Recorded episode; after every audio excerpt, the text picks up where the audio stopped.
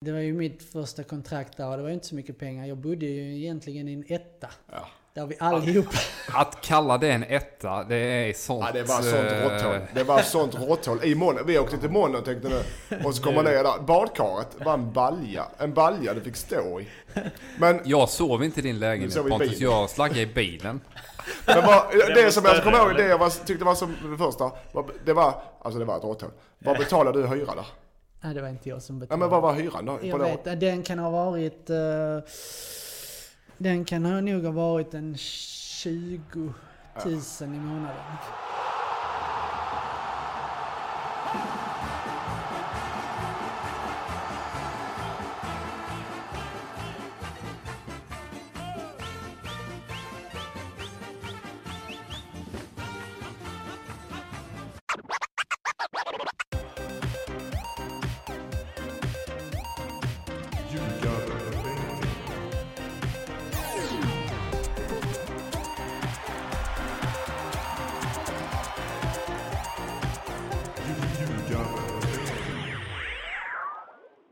Ljugarbänken VM special här igen som alla dagar nu för tiden. Och det, idag har vi, det är dagen efter Sveriges seger mot Sydkorea och vi har en riktigt, riktigt, riktigt bra uppställning.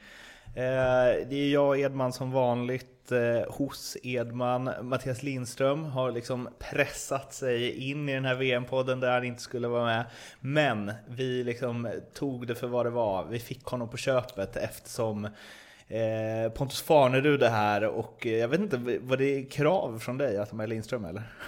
Vi har alltid hållit, ihop ganska bra, jag och Lindström på det centrala mittfältet, så att det var väl naturligt. P- Ponta var grovjobbaren och jag var liraren.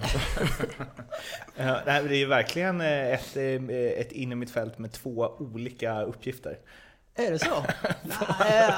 Ja, men jag har fått ett rykte om att vara en köttare som inte kan spela fotboll. Så var det inte tidigt i Så alla fall har i det aldrig varit. Nej, nej, exakt. Men det blev ju så kanske till slut. Sen så byggde du på det också med att du alltid ville visa upp dina glidtacklingar. Exakt, liksom. fast jag inte behövde det egentligen. Ja. Du har sagt att du dribblade mycket tills du var 21, eller? Jag har väl alltid dribblat mycket egentligen, men jag, desto, tränaren sa till mig att jag inte fick till slut. Ja. Jag klarar inte av det, så då, Vad berodde det på då? jag ville bara lika bra som Pontus. Och så såg de att han inte var det, så fick han ändra sin spelstil. Vi sätter honom på kanten. Där här. Vi, vi har ju eh, under tiden innan inspelning här så har ju eh, Lindström kört en lång övertalningskampanj för att försöka få Pontus till Tvååker. Som någon form av... Som en eh, spelarutvecklare, eh, ja, ja, jag vet inte riktigt vad jag ska hitta, konflyttare. ja. Eh, och hans bror då, Alexander på köpet som spelare. Eh, och det eh, är vi överens nästan. Ja, vi, vi får ta Vi får ta- förhandlingarna vi- efteråt. Ja, vi tar det efteråt. Mm, inte på van. Vad tror vi om den konstellationen Erik? Ja, men det låter ju som en uh, win-lose eh, deal. Win för Lindström och lose för Pontus. För att eh, den typen av fotboll som eh, ja, jag i alla fall identifierar Pontus med står ju Mattias inte alls för. Nej, det är, vi får se om det blir verklighet. Vad, eh, vad gör du nu för tiden? Eh, ja, jag har nyligen avslutat den, den här tränarutbildningen så att jag är ju väldigt sugen på att eh, på något sätt ta mig in i, i tränaryrket. Så vi får ju se lite. Jag har ju mina barn i Frankrike så att det är mycket Frankrike på mig. Eh, lite standby just nu men eh, förhoppningen är att eh, liksom vara verksam inom någon klubb eh, framöver. Så får vi se. Inom hur kort tid då? Ja, det är svårt att säga egentligen. Eh, utan jag... Eh, som sagt, kidsen är trots allt fokus och min son spelar också fotboll där nere. Eh, men jag vill ju... eh, Jag vill ju komma in i, i en elitklubb eh, framöver. Så får vi se hur lång tid det tar. Li- ja, elitklubb. Då, Räknas, Division, räknas tvååker in i det? division 1 är elitförening. Nej Mattias, Allsvenskan och Superettan räknas som elitfotboll. Svensk elitfotbolls 32 starkaste föreningar. Och Ni två år. tillhör inte dem. Och Men två. samtidigt så har man då Mattias Lindström som eh, huvudtränare så kanske det lyfter eh, både klubben och, och laget Men Vi lite. vänder på lite. Erik, har du varit tränare någon gång? Någon gång? Ja, Hur gick det då? Ja, vi kom sexa i division 2. Ja, vad bra. Med HIFs B-lag då. U19 ja. Ja, B-laget. Som borde, borde hålla division- superettan-klass på den tiden. En av de 32. Nej, vi tar någon annan diskussion. Ehm, Men eh, så en tränardröm finns där i alla fall. Ja, jag känner att jag vill vara med och uh, vara i hetluften igen på, på något sätt liksom. Och, ehm, ja, det är väl precis som för alla här inne, man brinner för fotboll och uh, har varit så stor del av livet. Så det, är- det är svårt att släppa och man vill liksom eh, ja, försöka bidra och även utvecklas. eh, då om det blir som tränare så att säga.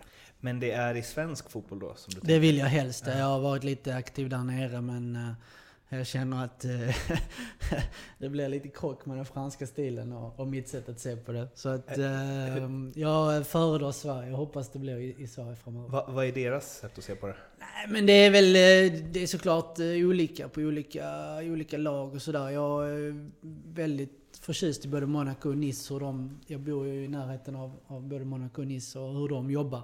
Det är väldigt bra men eh, det är ju inte så lätt heller att, komma in och få en viktig roll där. Jag har lite kontakter och så. Vi får se vad som händer. Men eh, det är ju mer kanske i de här mindre lagen då eh, under på den nivån och där är det Ja, där är inte tänket riktigt lika, li, på, på samma sätt så att säga. Monaco och Nice jobbar väldigt bra med, med ungdomsverksamhet men att få fram bra spelare på, på det sättet som, som jag tycker att man ska försöka utveckla eh, spelare och lag. Eh, men i de andra klubbarna så kanske inte tänket är riktigt likadant. Och man vill ofta liksom eh, bli bäst av de här amatörklubbarna.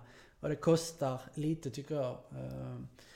Det tar liksom lite från spelarutvecklingen. Men, men vill du jobba med ungdomsverksamhet eller seniorverksamhet? Jag vill helst nog vara på seniorverksamhet. Eh, Det är ju inte så lätt att komma in i Monaco i seniorverksamheten. Du känner väl prins Albert? Ja, det, det är ju vissa här som också, också gör Den det. anekdoten kan vi ta lite senare. Ja. Uh, nej men så vi får se. Men det är klart, eh, helst seniorverksamhet. Men jag är ju väldigt öppen och ödmjuk om att man får börja på kanske en annan nivå. Hur gammal är din grabb? Han är eh, 14, fyllda precis. Är det nog, har generna liksom, har de visat sig än? Eh, ja, alltså han sköter sig men det är ju ändå tidigt att säga. Eh, jag menar när jag var 14 så var ju Lindström superstar. Och jag var ju långt, långt efter honom. Så att eh, det är mycket som kan ske fortfarande. Men han är, han är duktig och vi får se vad, vad som händer. Jag kom in i puberteten tidigt. Bara ett litet tillägg. Mitt första minne, ja ett av de första minnena, det är ju Mariedal Cup med, med HIF. Och eh, eh, Pontus är alla tiders bästa Mariedal Cup-spelare, skulle jag vilja säga. Hur gammal? Vi var väl 18 då tror jag och jag tror även Mattias var med på den, den eh, resan och Pontus var ju 16, Mattias 16. Jag vet att uh, Jörgen Lennartsson sa att det är den bästa inomhusspelare jag har någonsin sett. Eh, Skulle satsat på futsal. ja men helt ärligt, det är lite Falcao-vibbar på den. Nej, men Jörgen hyllade Pontus något så otroligt. Liksom, som att eh, lyssna på Vivaldes fyra årstiderna, käka en frukost och solnedgången. Så vackert var det när Pontus spelade. Min- Minns du det här också? Eh, jag hörde inte de här orden från Jörgen i och för sig. Men eh, såklart, jag minns Mariedal Cup och eh, det funkar väl okej där. Det, det är skönt här, det blir bra. Han tror på egna laget Jörgen i alla fall. För sen när vi skulle gå ut och möta Pontus var vi hyfsat slagna kan jag säga. Nu möter ni världens bästa fotbollsspelare. Ja, vi skiter. Och han är två år yngre än alla. Eh, det låter ju som... vem var det? Jo men vad heter den eh, kuppen i Malmö som är inomhus? Skånekuppen? Mm. Vet du det? Mm. Där var ju... eh, Den det snackas mest om det är Labinot Arbuzzi tror jag. Att han stod i mål. För att han var så överlägsen så han blev tvungen att stå i mål. Men då tog han bollen så dribblade han av alla och gjorde mål istället. Liksom. Var det på den nivån eller? Eh, ja, det var väl lite så. Men vi hade ganska bra lag ändå eh, med Landskrona Boys. Faktiskt inte riktigt lika bra som HIF som hade många spelare som sen gick ganska långt. Men eh, vi hade ett fint lag och jag var väl just i den åldern så hade jag en stor utveckling eh, mellan 15 och 20. Så att, eh, det fungerar bra då. Vi fick ju vinna också Mariedal Cup. Så att, eh, det var fint. Och Skånecupen har jag också spelat många gånger. Oftast eh, andra plats efter många finalförluster mot MFF. Så att det är lite bittert. Har du vunnit den? Ja, en gång vann vi den. En gång vann vi den. Vi, ni spelade lite pingis innan, eh, och eh, jag vet inte varför jag börjar i den här änden, men i alla fall.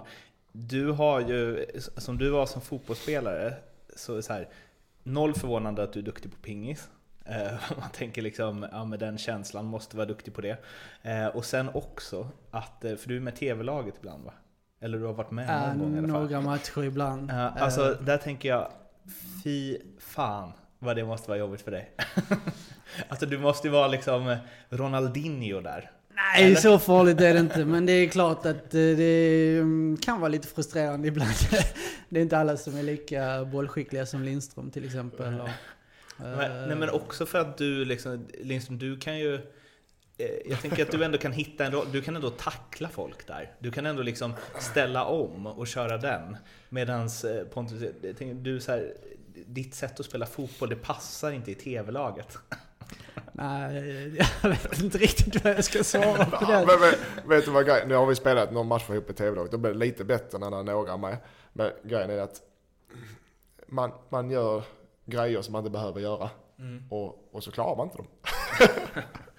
och, då, och då ser det inte så bra ut. Eh, men visst, när Pontus är med så kan han väl göra som han vill. Ja.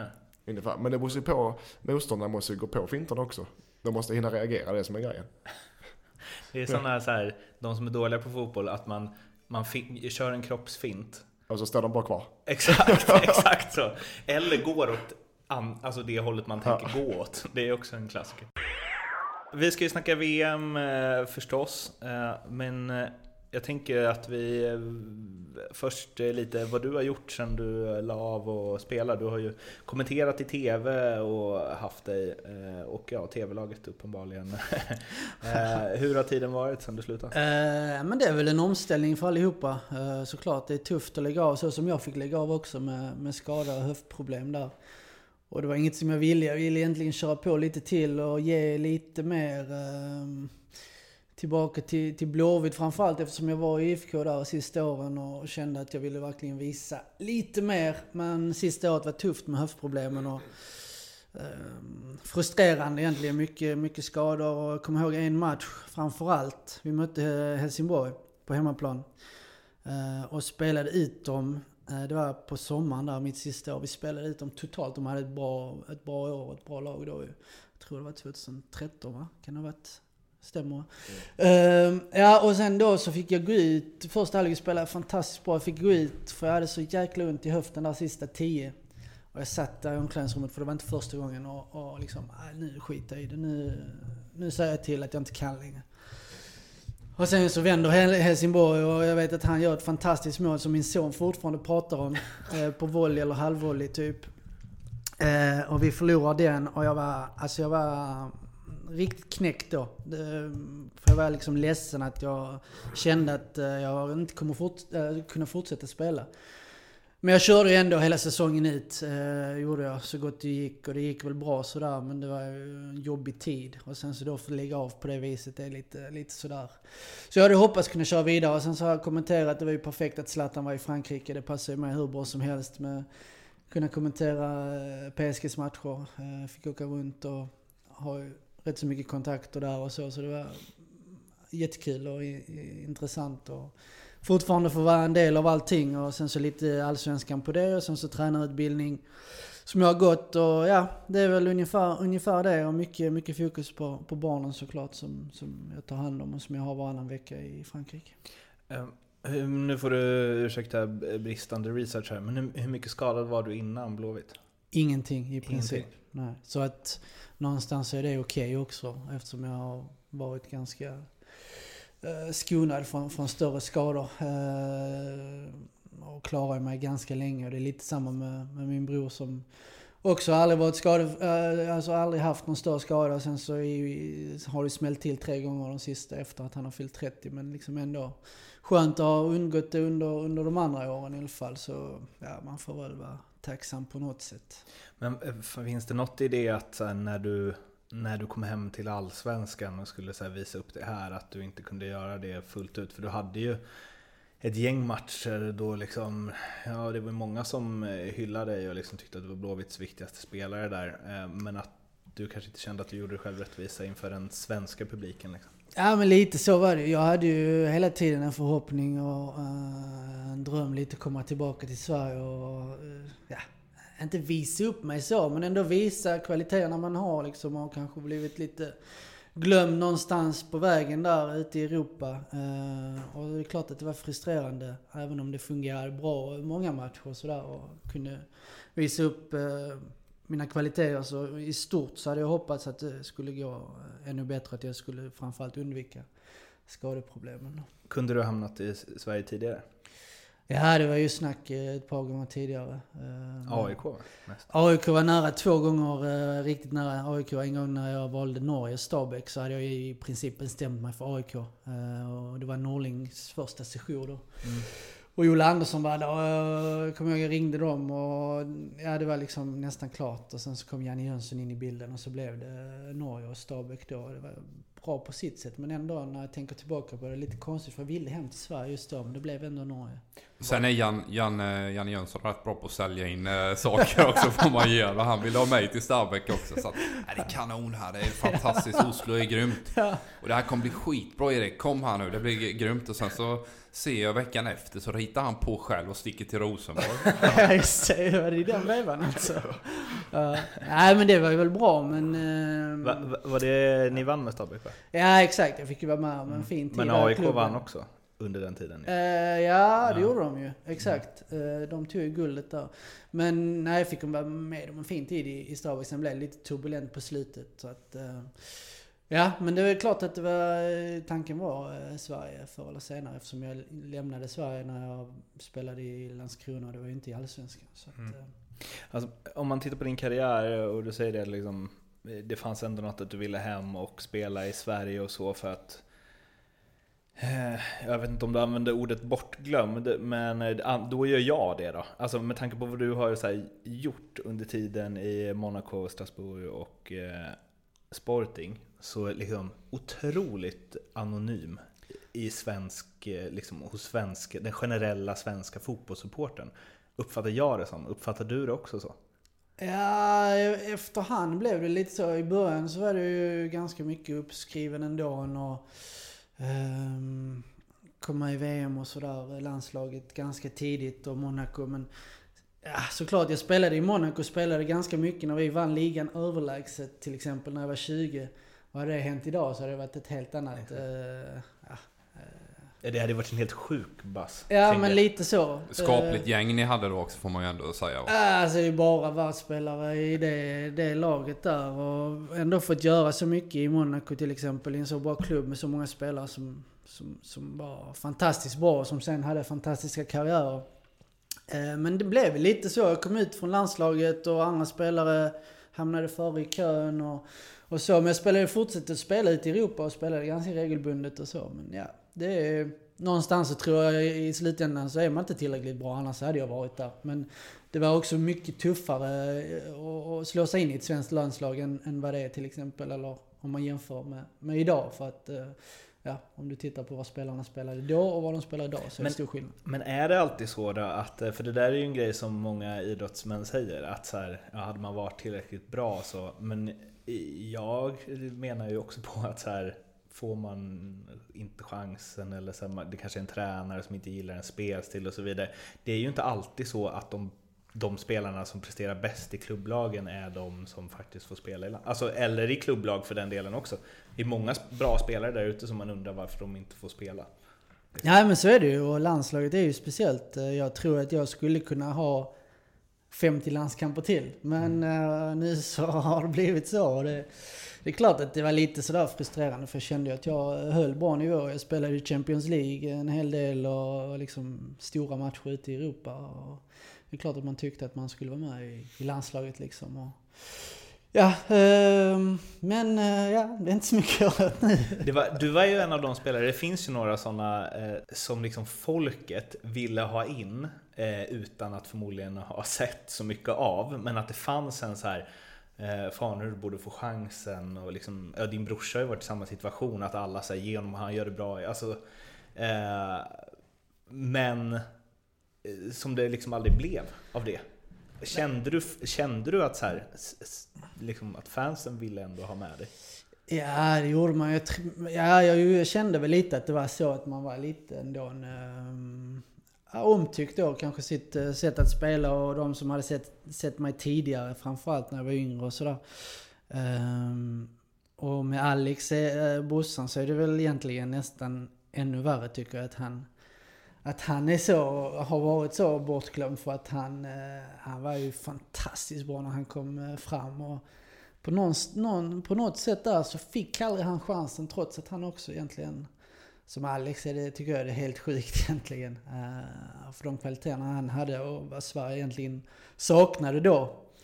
Så tycker jag det är konstigt. Men uh, nej, det är klart att man kände, jag kände viss uh, sådär att folk uppskattade liksom ändå uh, den spelaren var. Vann inte Alex, vann inte han Bundesliga också?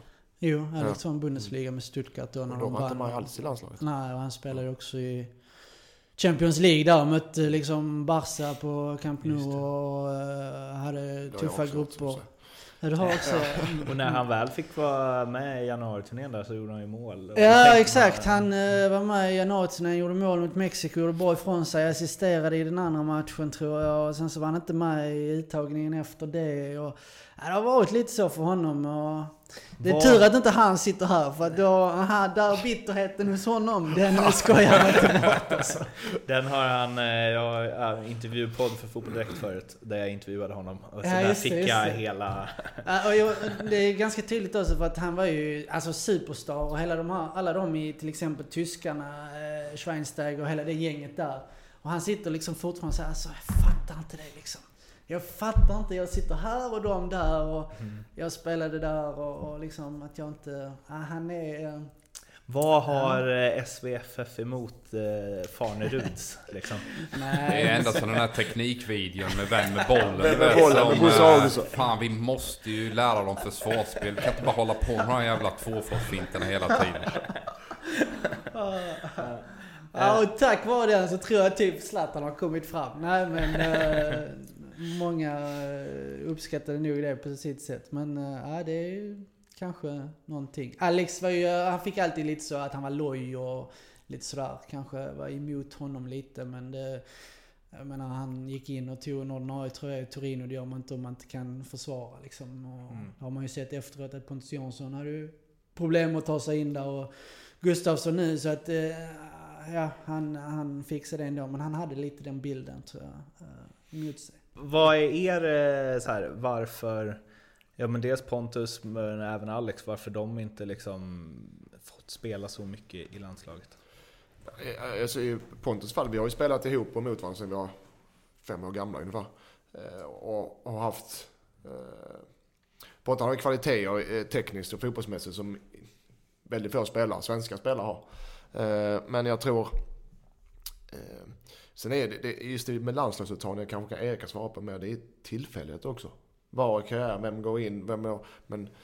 Och det var det nog i Pontus fall. Det är precis som i... Eh, där Det finns ju fler exempel, men alltså, som, det är tillfälligheter eh, som avgör där. I Alex, i, I Alex fall så tror jag mer att det var att ja, han, gick under radarn lite för mycket och det var väl att han blev bortglömd. Jag tror det var mer att han blev bortglömd där. Och att han kanske hade den, ah, vi har spelare som, som liknande spelare som, som vi litar mer på. Den kan det nog där. Men den att vara så här inkörd i ett landslag då? Att, för att ibland så känns det ju som att spelare bara tas ut för att de varit med förut. Ja, nej, men om jag bara kommer till Pontus där, varför inte han fick fler matcher skulle jag säga. Det, det handlar om... Eh, jag tror mycket det tänket som Lasse och Tommy kanske hade. Vilken typ av spelare Pontus var. Hade Pontus kommit fram idag så tror jag han har spelat mycket, mycket mer. Med tanke på att vi har eh, kanske yttermittfältare som går in i planen, hittar det där mellanrummet. Eh, kombinerar sig bättre. Vi har bättre tekniska spelare i det här landslaget. Även om man tittar klubbadresser så är det kanske sämre. Men, men det är bättre fotbollsspelare om man tittar individuellt. Va? Jag tror att Pontus hade passat bättre in i, i det här spelet som vi har idag. Eh, en sämre duellspelare än, än Johan Mjällby eller eh, Turbo eller Tobbe Lindroth är ju Pontus. Alltså det är inget, inget att sticka under stol med. Men just det här passningsspelet tror jag han hade kunnat bidra jäkligt mycket mer med idag. Och det, det är ju en förändrad eh, bild av hur vi ser på fotboll även i Sverige idag. Som är mer teknisk ändå får man ändå säga. Och det tror jag hade passat eh, Pontus bättre 2018 än eh, 2002 och 2004. Håller du med? Ja, nej men så jag håller helt med bägge två. Och sen så, alltså det var ju tufft också för Linderoth hade ju tagit en ordinarie tröja där centralt på mitten. Och uh, Dan Andersson fanns där som, som var ganska pålitlig och gjorde det ganska bra. Uh, och sen så kom ju Anders fram och han blev ju lite av den symbolen som var annorlunda. Man kunde kanske inte ha för många sådana spelare heller. Och sen så kom Kim och hamnade lite före mig i kön där. Och sen så var det tufft att mm. Och ta, ta en plats helt enkelt. Så att eh, visst. Fel era. Eller vad man ska säga. Ja, jag hade gått in nu. nu. Så klart man skulle varit där nu. Fan alltså. Du skulle inte, det är du skulle inte lagt av. du skulle kriga på ja, ja. Uh, när jag intervjuade Alex så, uh, och den här frågan går inte riktigt att ställa till dig, men eftersom för jag sa, jag frågade om han tyckte, eller vem han tyckte hade haft bäst karriär av er två uh, och så förutsatte att han skulle svara dig. Vilket han också gjorde. Och det måste du ju hålla med om. Eller? Mm, ja, men det gör jag kanske. Mm. Och då frågade jag eh, honom om det så här, för det jag tycker det är intressant med liksom eh, syskon så. Att vi bara, är det bara, bara liksom kärlek i det eller finns det någonting att så här, jobbigt att han presterar bättre än vad jag gör? Och då sa han, är det bara, bara kärlek? Och då tänkte jag, ah, det är klart att du svarar det. Så då frågade jag så här, okej, okay, men hade du gått ner till att så här, maxa i Esbjerg i tre säsonger och sen tillbaks till Allsvenskan mot att Pontus lirade Real Madrid tio år och bara radade upp Champions League-titlar. Och då blev han tyst ett litet tag. Och då kände man bara, där har vi svaret. Eh, för han bara, jag hade också velat vinna Champions League.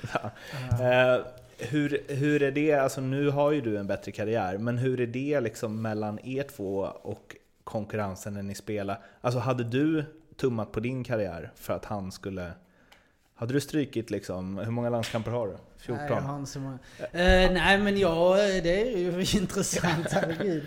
Men nej, det är bara kärlek. Men sen så blir det ju extremt när du säger det liksom tre år i Esbjerg kontra 10 i Real, det är ju extremt liksom. Esbjerg, vet du hur jävla tradigt det är där på vintern? ja, luktar, luktar tång och blåser så inåt helvete alltså. Här har vi de världsvana som har varit runt i Esbjerg. ja, Erik framförallt, du har ju några stories från dina uh, vissa klubbar du har varit i. Där tyskarna gillar ju den stories. vad, är, vad är det här? Vi har ett specialavsnitt där på gång kan jag ja, säga om Jogge Löw och ja, just, det, just det, just det. Det har vi webb-tvn sen. Uh, men hade du, hade du liksom sänkt din karriär för att höja hans? Ja, det hade jag nog faktiskt. Hade du det? Ja, med facit i hand, eller känslan. Ja, uh, absolut. Uh,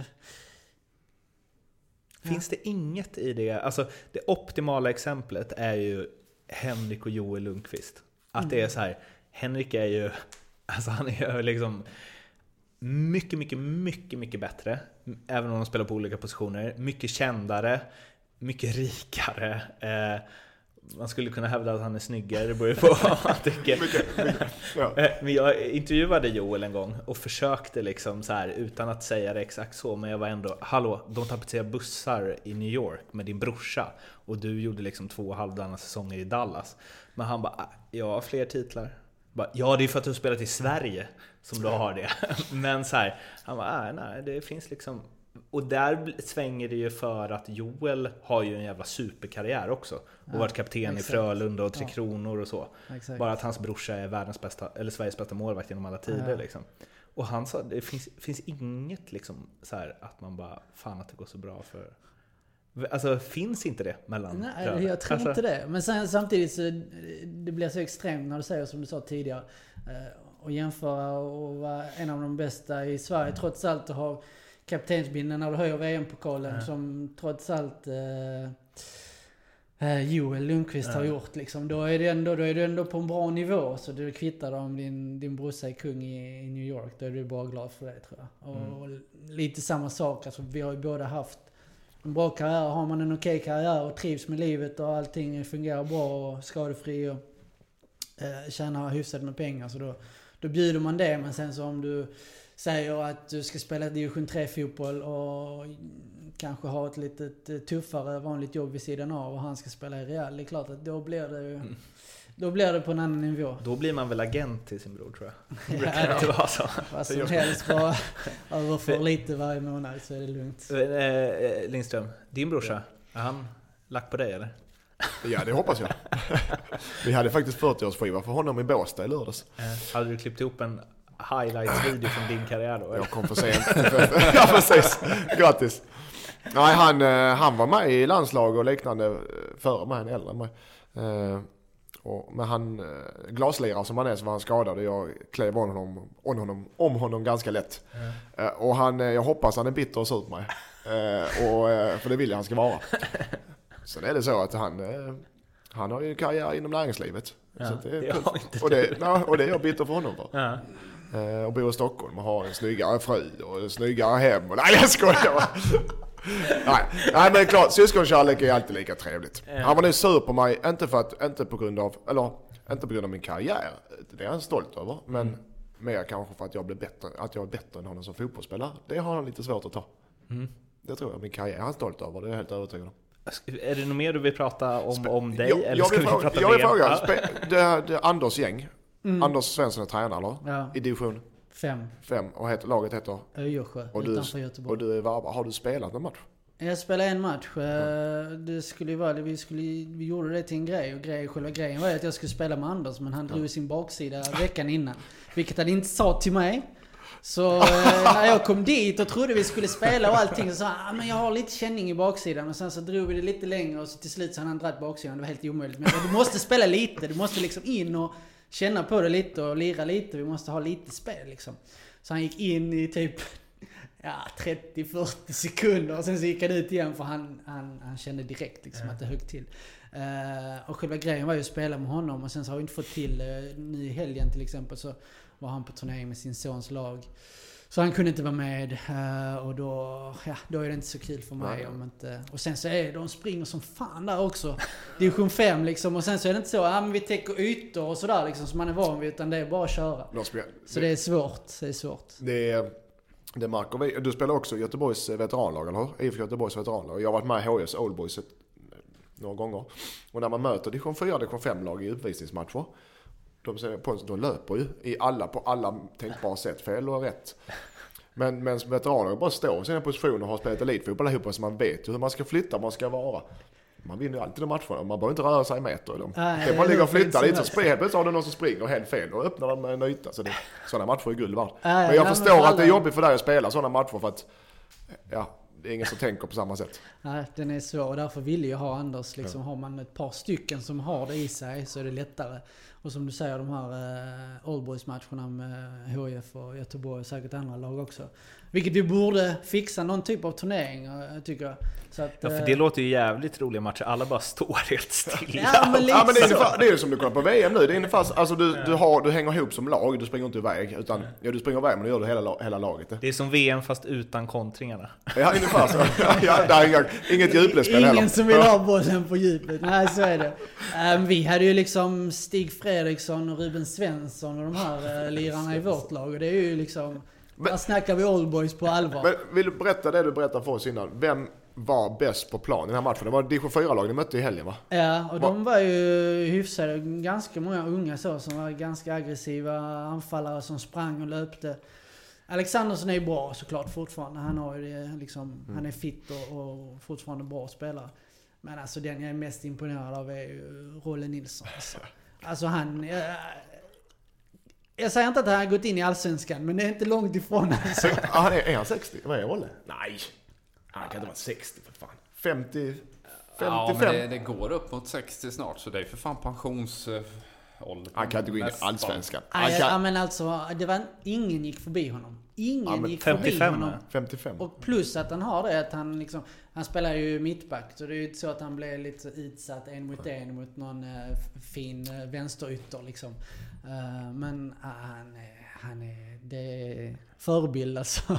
Ja det är jag vet. Ja, det är. Eh, Är det, när du är inne i division 5 där, är det farligt på något sätt? Alltså, finns det, de som, finns det några gamla liksom gaisare som vill kapa?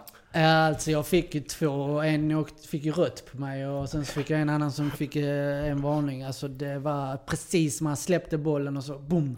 Gött. Så det kan vara lite sådär. Är det för att eh, du kör så De Nilsson? Tio överstegare på rad. Nej, men jag kör inte överstegare. Men det det, är ju lite så att man, de blir säkert lite Du ber om det frustrerade. ändå. Ja, lite kul sådär och provocera någon. För Concha berättade ju för oss, det var, vi fick ju inte med det på, i, i podden, men han hade lirat en division 5-match där, där det var någon avgörande kval tror jag. Eh, Med Fortuna va? Var han med? ja, och så hade han fått en frispark på egen planhalva, skulle slå den fort i djupet, varpå en motståndare ställer sig framför honom. Får bollen på sig och Concha tror ju att nu blåser domaren av. Men bollen går i en båge över Concha till motståndarnas anfallare som gör mål. Och domaren eh, godkänner det. Och det, efter det var det så här, bara, aldrig mer. Ska aldrig mer spela på den här nivån. Han sa ju också att han, det var väl, eh, han stod och sa till domaren. Alltså, jag har varit på den här och den här nivån, det har inte du. Man bara, skolboksexempel, om du vill få domaren att ändra dig, så är det så- det du inte ska säga. Eh, Så det där, eh, ja, jag är imponerad över dem som, du har ju helt eh, zonat ut Erik i liksom eh, någon form av så här, spela fotboll på lägre nivå, eller hur? Ja, nej det attraherar mig inte alls det där eh, Old Boys-spåret där som de andra två lirarna här verkar gå igång på. Det kanske också är skönt för Ja, det stämningen är i laget. Det ska sägas också att eh, det är inte enbart av fotbollsskäl. Det är ett socialt liv som du inte har en aning om hur fan det sociala spelet fungerar i Ekman. Men att träffa folk utanför ditt lilla mansion här. Förutom trädgårdsmästaren och kökschefen. Så kan det vara trevligt. Men jag tänker också att du hade liksom ställt för höga krav, eller? Han hade varit sämst kan jag säga det. Så det är därför han inte vågar vara med. Ja, vi går vidare innan jag blir irriterad på riktigt. Sticker emellan här med lite VM-tips. Ni kör Ljugarbänken 1, X 2 annars när Allsvenskan är igång. Det gör vi inte nu, utan då är det VM-grupperna som ska tippas omgång för omgång. Ni hittar länk, Acast, iTunes, Facebook, Twitter, ja, allt sånt. Ni kommer inte kunna missa den och sen så går ni in där och tippar 1, X 2 i den kommande omgången så är ni med i eh, och chans att vinna 10 000 spänn. Ni behöver alltså inte satsa någonting utan har chans att vinna ändå. Och sen så är det lite gratis spel och samla bilder och allting som tröstpriser om man når upp till 6 eller 7 rätt tror jag. Eh, så in på länken och eh, utmana oss där. Ciao! Eh, VM. Ditt första så här, fra- VM-fragment, eh, liksom minne av något mästerskap? Eh, Panini-boken 86. Okej. Vem är Mexiko? Ja exakt, man samlar på eh, bilderna där. Och Frankrike med Stopira, Tigana, Platini.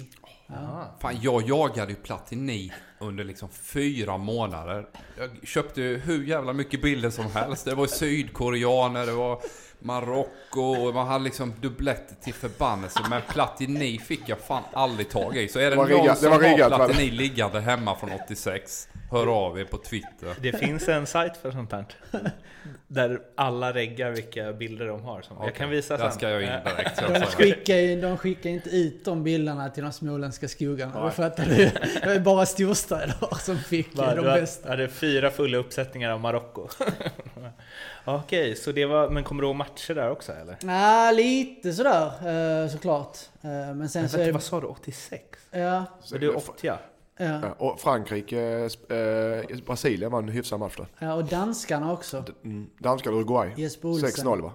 Ja, exakt. Ja, men mycket mål i alla fall, kommer jag ihåg. Men, men om vi svänger på det, vilket VM är det som så här betytt Paraguay. mest för dig? Där du verkligen kommer ihåg, alltså för att 94 är ju så här mitt VM, eller nej det är nog den första från 98 är mitt som jag verkligen så här såg matcher, kommer ihåg hur matcher såg ut, kommer ihåg Zidane och så. Det var första som du Ja, så men då här, blev det ju alltså...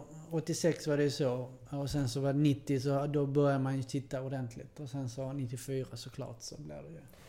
ja, du var ju i perfekt ålder då. Ja, det, blev, det blev ju naturligt att det blev så stort liksom. Eh, jag har en fantastisk story. Eh, och som jag sa till Kenneth nu också, när Kenneth Andersson gick ju den här tränarutbildningen med mig eh, under det här året. Och när då Kenneth, eller när Sverige möter Rumänien så sitter jag och kollar fotboll med eh, en av mina bästa vänner i Landskrona. Som har ett fint hus och ligger fint ganska då nere vid vattnet och sådär. Eh, och, ja, supertaggade såklart. Och när Kenneth gör eh, 2-2 är det va? Mm. Mot Rumänien där. Och vi blir ju helt galna och springer 14 år gamla och du vet. Det är bara fest. Och så har vi någon lirare som ligger där i hans buske. Som har helt däckat, alltså han är, han är så borta så det finns inte. Och bara, fan bryr sig om fotboll?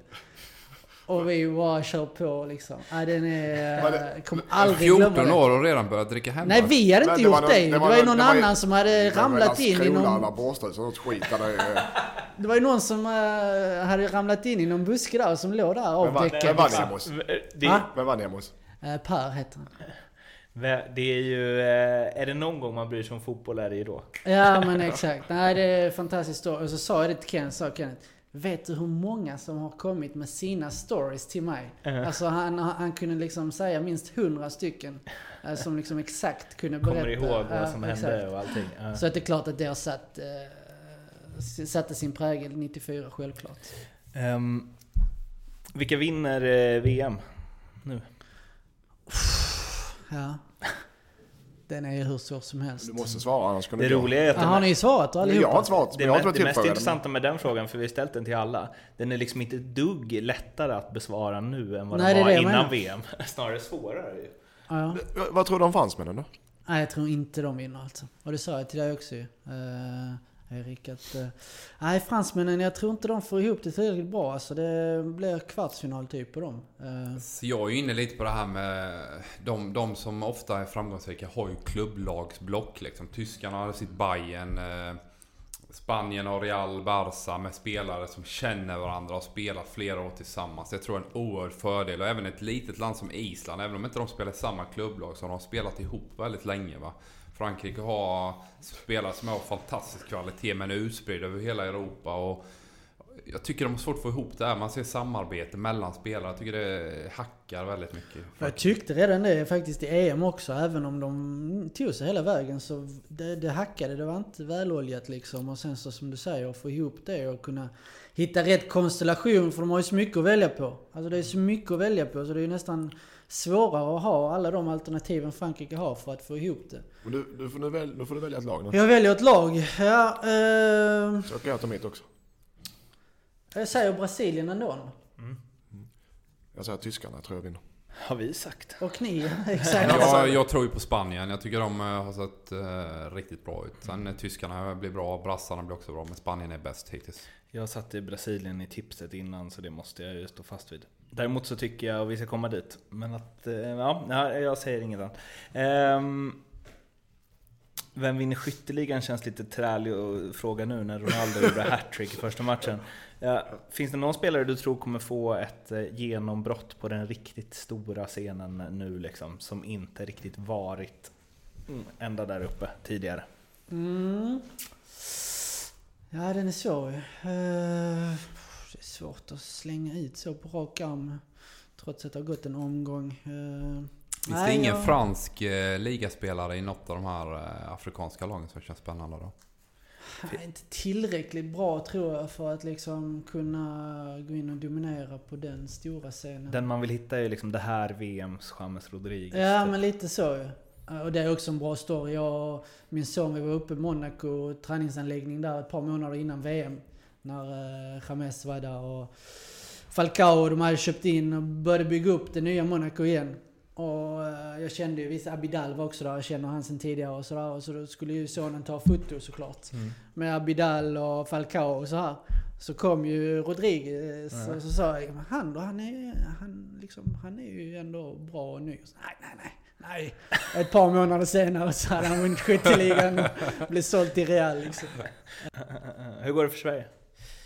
Ehm, jag, tror inte, jag tror inte de går vidare faktiskt. Okej. Eh, jag tror att bägge de två eh, matcherna här mot tyskarna och Mexiko blir för tuffa. Ja, eventuellt om de ska få ett poäng att man klarar att gå vidare på det. Men eh, ja, jag tror tyskarna kommer ta sex poäng även om det inte såg så bra ut. Eh, och Mexiko tyckte jag såg så pass bra ut så att de kommer förmodligen att vinna mot Sydkorea och då har de sex. Så att, eh, ja. Deppigt. Eh, om Sverige inte vinner då, vilket, har du något andra lag? om Sverige inte vinner VM alltså. Mm. Vilka, håller, du- vilka håller du på när Sverige åker ut? Alltså jag håller ju på, jag håller på Messi. Mhm. Alltså, jag gör Fan, ju det. Ja men alltså jag... Osympatiskt. Ja men jag... Opersonligt. Alltså jag unnar han det. Alltså jag är ju på Messi-sidan i Messi-Ronaldo-kampen. Okej. Eh, Men sen så generellt så, så håller jag väl, tycker jag väl mer om Spanien sådär som lag. Ehm, Frankrike gillar jag egentligen inte. Danskarna, danskarna då? Ah, Alltså men mer det är- du, är patriotiskt. mer, du är ju mer eh, så, du har mer ett kärleksförhållande till Danmark. Jag har Men inte det, båda ni är ju snapphanar så det borde ju ändå... Snapphanar är för, för fasen inte på nordvästra Skåne. Snapphanar uppe i Kristianstad och Nej, Hässleholm Hela där jävla uppe. Skåne är snapphanar eh, i min värld. Men jag trodde Frankrike. Jag trodde det var givet. Eftersom du har liksom bott där och... eh, Nej men det är ju för att jag umgås med de här fransmännen hela tiden och den franska mentaliteten. Ja. Och det klarar du inte till slut alltså. Ja, Det, är- du, nej, du, du kan inte liksom komma över på deras sida. Det är helt omöjligt. Okej. Men sen så gillar jag, jag menar sonen och sådär. Han är ju såklart för Frankrike och älskar Mbappé och Pogba och de här lirarna liksom. Och det är klart att jag känner för honom sådär. Glad för hans skull. Men eh, just det här snacket mot de andra fransmännen där nere. Det är, det är ju därför det har liksom gått att Sverige vann mot Frankrike och sådär i kvalet och så. Det är alltid fint att sätta dit dem i alla sporter. Gick du runt med Sverigetröja i liksom veckor då? Ja, nej men de är ju så, och sen så liksom, de är ju så, så de vet att jag är fotbollsromantiker och sådär, tycker om fin fotboll. Och sen så när Sverige slår ut Italien och kör megadeffen där, eh, då får jag ju höra det. Ja, men är det så jävla kul nu? Du som alltid säger att man ska spela fotboll och ni har knappt ett anfall liksom och sådär. Så det är hela tiden den här fighten med dem. Nu eh, adderade du ett ämne till, vi tänkte skulle prata lite Sverige, Sydkorea, tänkte också att vi skulle snacka lite vilka, eh, ja hur favoriterna har sett ut och vilka vi tror eh, mest om. Men nu sa du det här med Messi, att du är på hans sida i kampen mot Ronaldo. Det finns ju en eh, oerhört eh, bra sajt som heter Messi vs Ronaldo tror jag, där de har liksom ställt upp deras statistik genom alla åren. Och det är något år där, 14 eller vad det är, då det är helt sjuk- Man kollar liksom Ronaldos statistik så tänker man så här, det här är det sjukaste någonsin. Och så tittar man Messi så bara, och, det, här- och den är klart bättre än Ronaldos. När han gjort det så här, vad gjorde han? Gjorde han 50 mål på 37 ligamatcher och så liksom. Eh, men den kampen, det är en evig diskussion. Messi-Ronaldo. Eh, första omgången, Messi hänger med huvudet. Är Alltså han var som en, så här, en spelare som är för bra, som tycker att han är för bra för typ superettan och dribblar hela tiden och skiter i att passa fast motståndarna är fria. Ronaldo gör tre mål varav det sista är ju helt liksom, i det läget med all den pressen. Om Messi inte vinner det här VMet Ehm, Ronaldo har tre raka Champions League. Han förde Portugal till EM. Argentina har inte ens vunnit Copa America med Messi. Alltså, snart blir det ju på en nivå att... Och jag säger, jag är inte på någon sida. Men snart, det handlar ju om att vinna liksom. Och om, om det fortsätter så här så är ju Ronaldo bäst genom tiderna. Eller? Du, det är som du gäst tar du den på inte.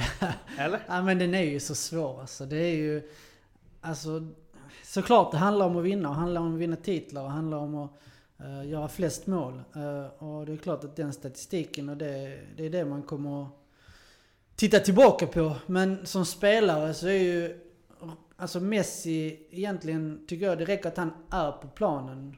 För, för att visa sin betydelse. Nu blev det eh, kanske inte tydligt mot Island för att det var en väldigt speciell match.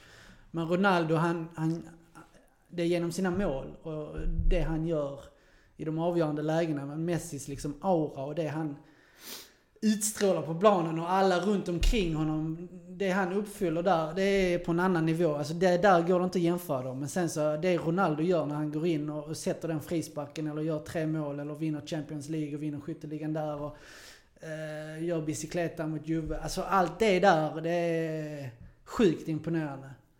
Men som, som spelare, som fotbollsspelare så tycker jag att, att Messi är... Alltså det går inte att jämföra dem på det sättet där. Men jag, diskussionen kan vara och pågå hur länge som helst. Och vi älskar den. Och de älskar den också tror jag. För att det triggar dem. Och klart att Messi vill göra mål och vill dribbla för att han vill. Han vet att Ronaldo har gjort tre dagen innan.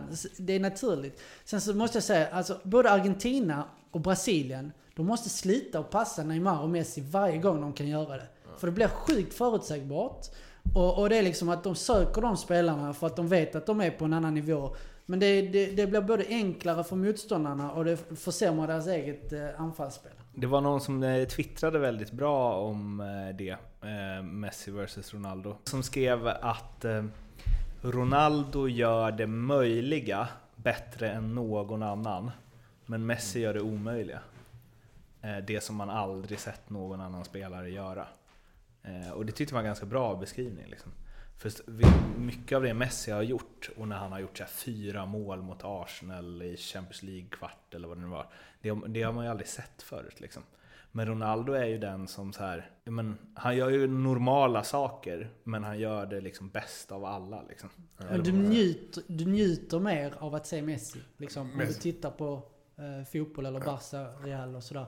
Du njuter mer av att se Messi och liksom det han har gjort i El Clasico de sista åren och sådär. Alltså, finns ingen spelare... eh, Håller du, håller du Ja, med? ja, ja, jag tror de flesta Håller du också med? fotbollsspelare, jag tror de flesta elitspelare håller med. Spelare som Messi, man vill ju själv vara som spelare. Det finns ingen genom tiderna som är i närheten av Messi fotbollsmässigt. Alltså med sådana kvaliteter, och det är det som är grejen.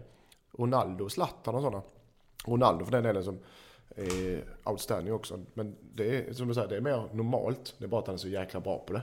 Messi, det finns ingen... Alltså det har aldrig funnits en spelare som honom. Det är helt... De grejerna han gör ska inte kunna gå att göra. Det är det som är grejen. Ronaldos frisparkar och disciplineras, det är helt... Alltså, det kan man göra. Men nu förstår jag vad jag menar. Messis grejer, det finns ingen spelare någon som kan, kan göra sådana grejer. Jag, har ju, jag var ju liksom lite för sen för Maradona, men SVT Play la ju upp alla VM-krönikor sedan 82 tror jag.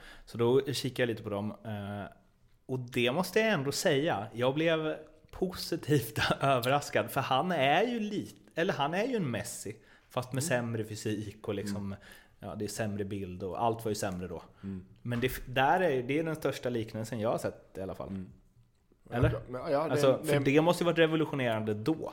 Folk måste ju bara wow, det här har vi aldrig sett förut. så otroligt snabb. Maradona, han var så otroligt snabb med boll. Så det är som Messi, det går inte att ta den från honom. Det, det bara smäller till. Det kan inte se ut Maradona, en liten tjockis, men alltså...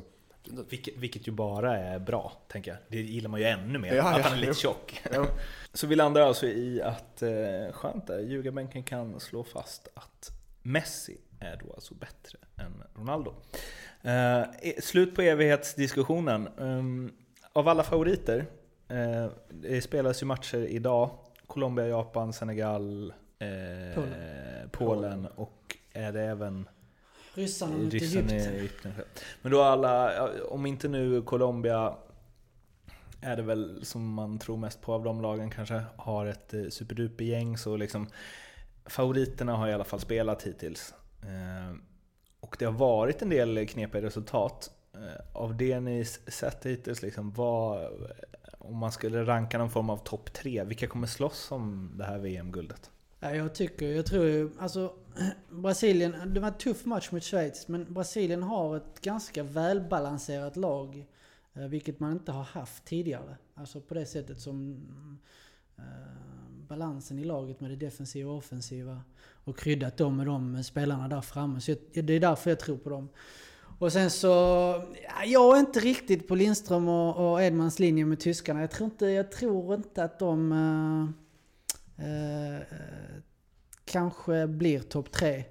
Sen är det svårt att veta också med lottning och sådär sen vilka som... Alltså nu vet vi nu helt plötsligt kan ju Mexiko gå och vinna den gruppen och så kanske Brasilien blir tvåa och trots att Mexiko vinner en grupp så kommer de få Brasilien i åttondel. Det är helt sjukt egentligen. Ehm, eller så kan det bli Tyskland, Brasilien. Eh, Alltså det är svårt att se om.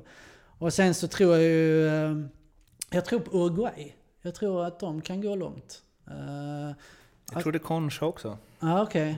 Ja, men de, de, de jobbar också bra som lag. Alltså det finns en disciplin där liksom. Eh, som ibland man, man tycker att många sydamerikanska lag inte har på samma sätt. Eller icke-europeiska lag. Eh, så då säger jag dem och så säger jag väl Spanien då. Ah, jag vill säga Argentina också men... Ah, ja, den är svår. Nej, Argentina vinner ju aldrig. Eh, inte en chans. De skulle haft Ronaldo. Nej. Eh, Erik, vad tror du? Ja, men Spanien är bäst hittills tycker jag. Eh, följt faktiskt av eh, brassarna som jag håller helt med Pontus där. Eh, finns en balans där med Casemiro och de där bak som faktiskt eh, står för lite andra saker än, än de offensiva. Så jag tror också de kommer gå riktigt långt. Och sen håller jag inte med Pontus då. Jag tror tyskarna samlar ihop sig. Eh, ofta lite slow starters. Även om de sista mästerskapen har de varit starka i premiärmatcher. Men de har också mött lag som är betydligt sämre än Mexiko.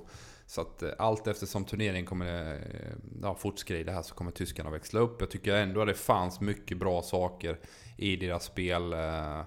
Visserligen Boateng, Hummels var, var lite sårbara där. Även kontringarna centralt fält var så lite stabbigt ut tyckte jag ibland i omställningen. Men de blir riktigt bra också. Allt eftersom. Lindström? Nej, jag är inne på Tyskland också.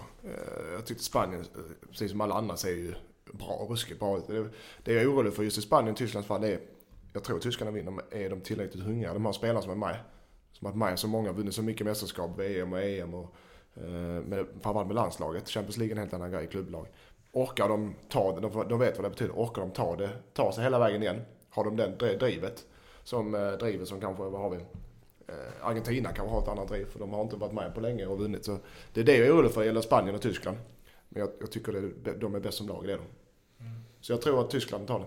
Men har ni något sånt lag som jag då, som typ Uruguay, alltså som kan ta sig in, ta sig till en semifinal som egentligen inte är en jag, toppnation? Jag tror England kan bli lite outsider. Nu såg inte jag matchen igår ska sägas. Men det är bara min känsla att de man säger alltid att det är dags för England nu. De är för dåliga för att vinna såklart, men de kan gå längre på länge. Men de tror ju alltid att de är världsmästare och hela det där. Men det här är faktiskt första året på bra jävla länge då de och då har det inte snackats om det. Men Nej, jag tycker det att det här är det bästa menar. lag de ja. haft på bra länge. Alltså. Det är det jag alltså. menar. De är lite, går, för att vara England så går de under radarn. Mm. Eh, jag tror de kan överraska. Sen så är det ju helt sjukt att så här, ingen pratar, alltså jag har inte hört någon säga det, men så här, Portugal.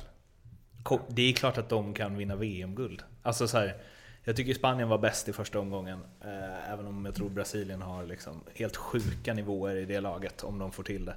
Men eh, att, att inte så Portugal ens nämns. Alltså om Ronaldo kan göra tre mål mot Spanien så kan han ju göra tre mål mot alla lag i det här VMet. Och är han liksom är han på den nivån och resten sköter sitt på en helt okej okay nivå så är det klart att de kan gå till en final. Liksom. Jag, jag, tror ändå Portugal är lite för tunna. Om du tittar hela truppen men så tänkte har... man inte det under EM också? Då? Jo, men de var inte värda att vinna VM heller. Men de vann ändå. EM. EM, EM förlåt. Ja, fast... Ja, men, jag, jag, jag köper Nej, jag tycker, utefter, utefter prestation så tycker jag Portugal Nej, det fan, jag tyckte de var risiga hela vägen fram till semifinal nästan. Men alltså, alltså vinna... Man snackar Belgien också. Eh, jättespännande spelare, men där om man pratar balans som Pontus var inne med, på med, med, alltså med brassarna, så mm. känner jag att de är alldeles för öppna. Eh, de har offensiva spelare som, som inte hänger ihop med övriga lag. Carrasco spelar någon wingback-roll. Jag fattar ingenting där. Martinez eh, slänger in honom. Eh. Såg ni den i genrepet? När han hade bollen ute vid, till vänster om straffområdet. Så kom Hazard och bara tog den. Och Carrasco bara... Men där, där har du återigen det där att liksom man, man ska ge bollen i tid och otid till din stjärnspelare. Som jag känner att det blir förutsägbart. Även där med Hazard i Belgien. Han, han Alltså folk lämpar över bollen till honom när han ska komma ner och hämta. Jag tror inte det funkar på längre sikt när de möter, jag menar Panama, de är ju fan ännu sämre än Sydkorea och Saudi liksom. Att det bara blev 3-0 där är ju ett underbetyg till eh, Belgien.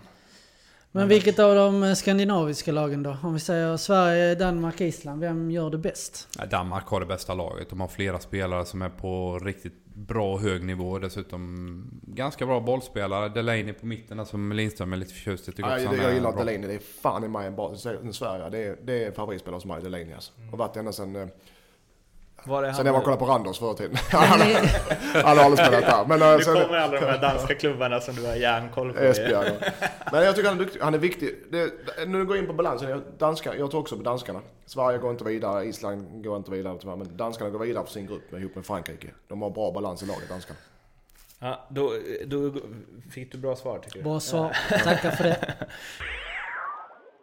Då, då går vi väl till Sverige då. Det är, ju så, det är helt sjukt. Även när vi spelade in igår, podd och webb-tv. Vi har liksom vunnit premiären. Första sen 58. Ja. Granen får göra mål. Granen le, han växer med det här. Det är liksom, uff.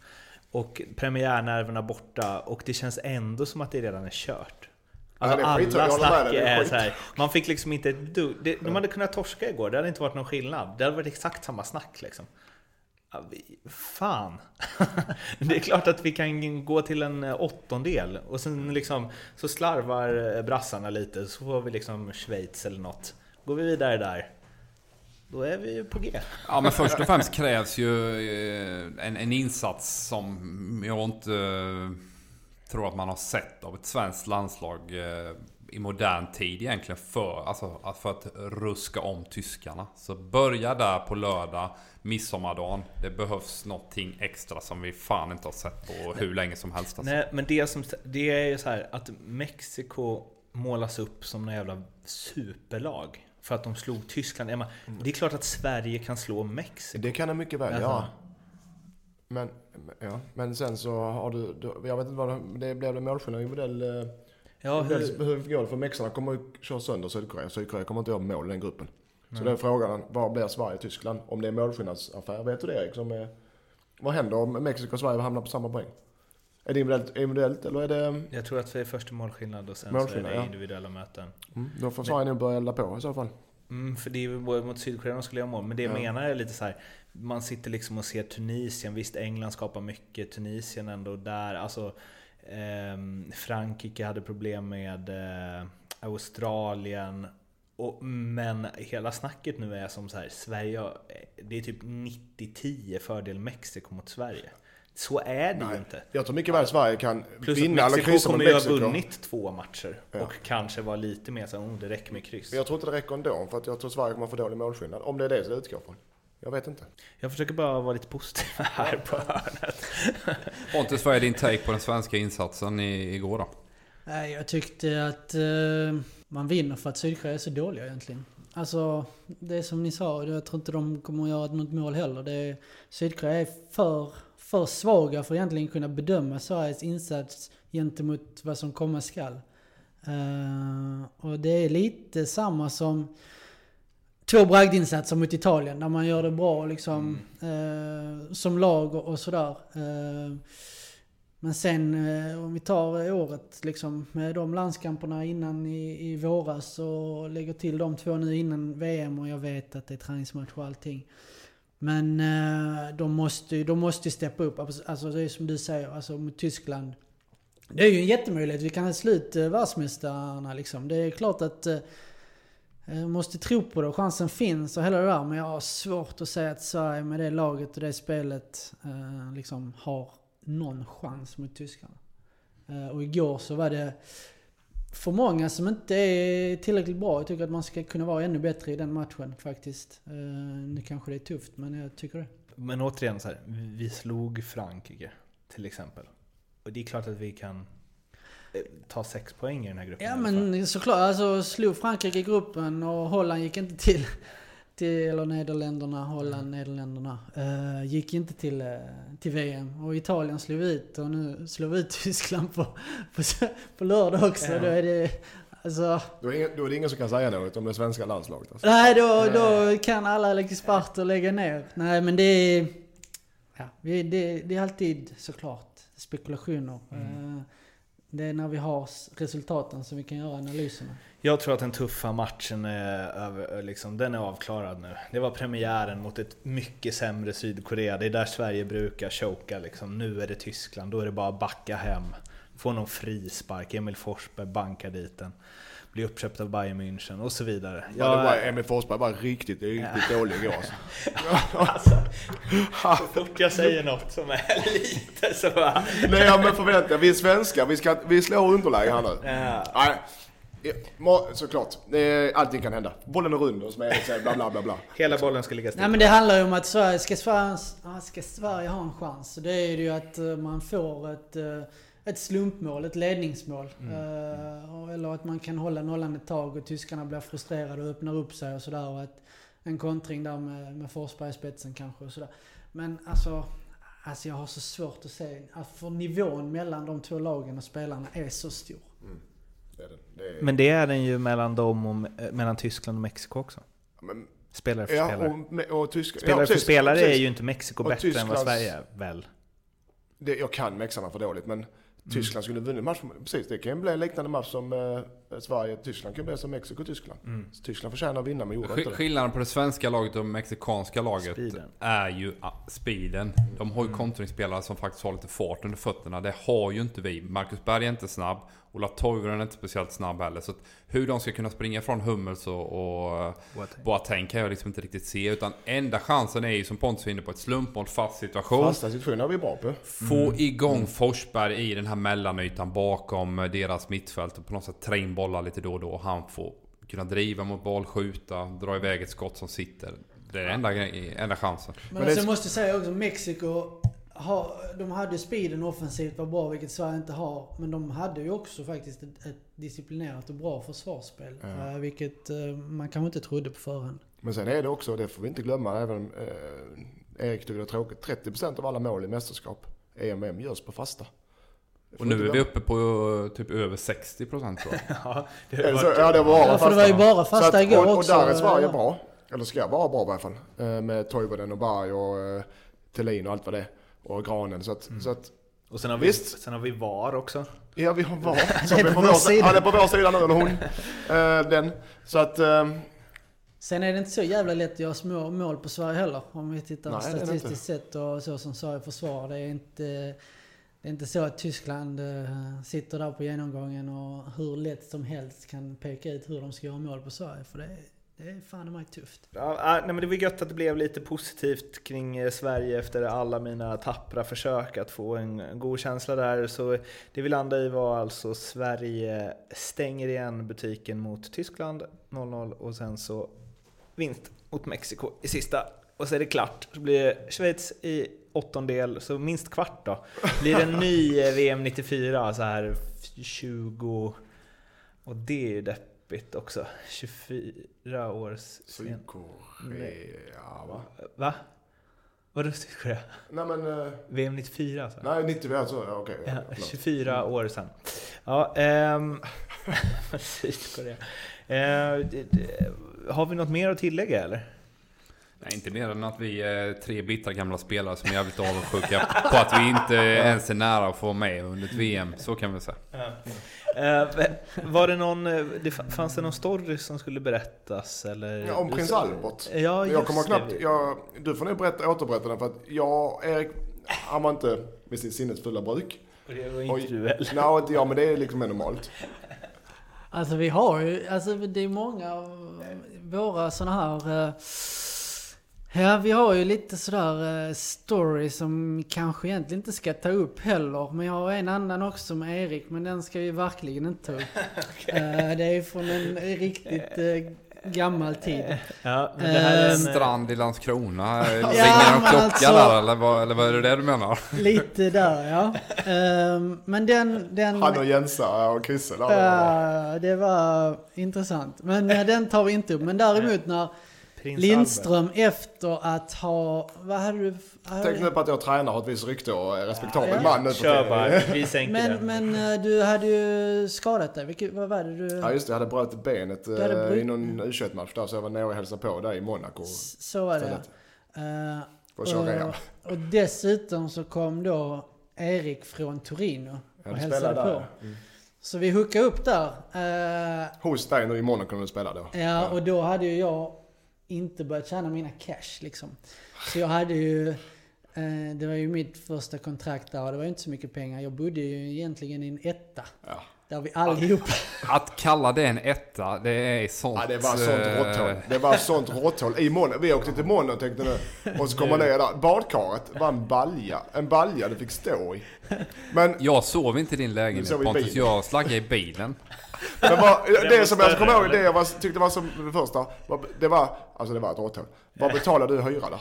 Nej, det var inte jag som Ja, betalade. men vad var hyran då? Jag det vet, den kan ha varit... eh, den kan ha nog ha varit en 20 000 i månaden. Och det, för det Eh, rummet. Ja, Ja, ja. ja, men det är ju sjuka priser där. Det är helt sjuka priser. Men i alla fall, eh, då hookade vi upp där och Erik kom från Torino. Och jag kommer ihåg, det var något strul med det också. Med, vad fan var det? Jag kommer inte ihåg exakt vad det var. Men det var någonting med... Du fick, han fick inte sina pengar Torino. Var det inte så? Du fick inte lön eller? Eh, Ja men det är inte... Ja, men detta är sensommar, eller det är väl oktober, november då måste det varit om du var nere Mattias. Nej, sen så gick vi då ut och du hoppade runt där på dina kryckor. Gipsad. Eh, På eh, kakelvägarna som var hala av regnet i Monaco. Ja, det regnade också Jäklar just så då. jag trillade. Och, eh, det var väl en blöt kväll på många sätt då, så att säga. Eh, och vi gick till eh, ett av de större utställena där i Monaco. Jimmys. Jimmys, klassiskt ja. Mm.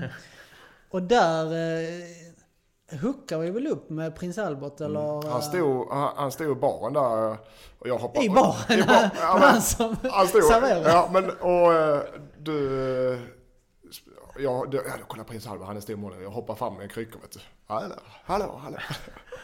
Ja, och körde lite gott snack där eh, med honom. Eh, men det var nog någonting mer, men jag kommer inte ihåg exakt eh, vad som hände. Aj, och oj, sen så blev, kommer jag ihåg, du blev så jävla förbannad också för du trillar ju typ hela tiden med dina kryckor där. Ja, så du gjorde jag. kastar ju kryckorna Ja, också. jag Och börjar typ hoppa på ett ben eller halvt gå på ditt brutna ben. Mm.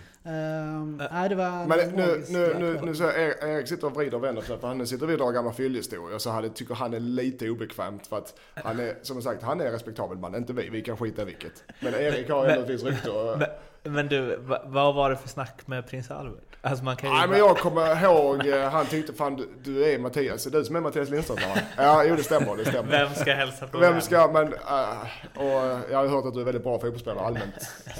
Jävligt trevlig. Så det, det stämmer. Ja, det klickade direkt. Ja det var det. Ja men jag kommer ihåg, det var ett jäkla ställe där i Monaco. Det var trevligt. Fan jag hade velat veta vad du, hur snack... Jag hade velat... jag kommer inte ihåg. Nej, Jag kommer ihåg att det Erik blev utkastad för att han var otrevlig allmänt. Det kommer jag ihåg. Ja, det enda jag minns är att jag köper två Carlsberg Hoff i baren och en skål med jordnötter och får betala tusen för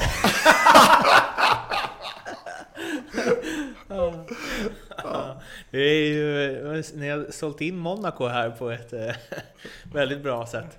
Man blir ju sugen på att dra ner och köpa två Hoff och en skål med jordnötter och snacka med prins Albert. Ja, eh, Pontus, det var kul att ha med dig. Hoppas Kul du tyckte att det få var vara med. Ja. Det är bra snack här i ljugarbänken. Vi hade kunnat sitta hela dagen och eh, snacka på. Du är ju, om man vill höra mer av dig så har ju du en eh, podd med Jonas Dahlqvist. Ja, vi kör lite allsvensk eh, snack, jag och Dahlqvist. Och det är fint. Han är duktig och eh, bra på att såga. Så att eh, vi har hittat en bra nivå där. Va- Var ska man, vad ska man söka på? Nej, vi den? kan ju inte gå in och ge dem PR här nu bara. Fan Mårten, det får ju vara lite Ja, men vi är tillbaka det då. Så Ja. eh, det, Säkert, finns, säkert. det finns någonting för oss alla att hämta. Vad heter den? Alltid allsvenskan. Alltid Varje allsvenskan. vecka när allsvenskan är igång. Så det är lite uppehåll nu. Det är därför du har tid med det här. Exakt, det tar otroligt mycket tid annars. Ja. Eh, podd. Eh, nej men såklart, eh, snacka fotboll, snacka VM, allsvenskan, det är fantastiskt ju. Det- är så det är, som Erik sa, tre bittra gamla fotbollsspelare. Det får vi kämpa med detta istället. Eh, och sen så eh, lycka till i din framtida tränarkarriär. Vi, vi här håller ju tummarna för att det ska bli en tvååker. Bröderna Farnerud i tvååker. Det hade varit något. Då tror jag att NordicBet, eh, då tror jag de, det blir dokumentär. Road to eh, Division 1 Ja, det- Classics. Det är bara att köra. det är bara att köra. Eh, och ni vet ju var ni hittar oss. Det är Facebook, det är Twitter, det är Instagram. Eh, bomba på med kritik, frågor, allt sånt där. Vi hörs igen imorgon. Då utan eh, dig Mattias, var det kul att vara med. Ja, jättekul, tack. vet, vet du när du är med nästa gång? Nej, det vet jag inte. Finaldagen. Jaha, Det det? grande finale, då bjuder vi in Lindström. jag, Tackar du nej här nu i sändning? jag vet inte om jag kan. Vi, har vi verkligen budgetutrymme för att plocka in... Eh, Ja, vi får... vet jag på min, Monaco på Jimmys där och. Det är då det ska summeras upp och du ska analysera ditt tips. Ja. Exakt. Då tar vi också med... Fixar du prins Albert till dess eller? På länk. På länk. Oj. Eh, tills dess får ni ha, inte till VM-finalen då, men tills imorgon så får ni ha det så bra. Så hörs vi då. Hej då! Hej då. Hej hej.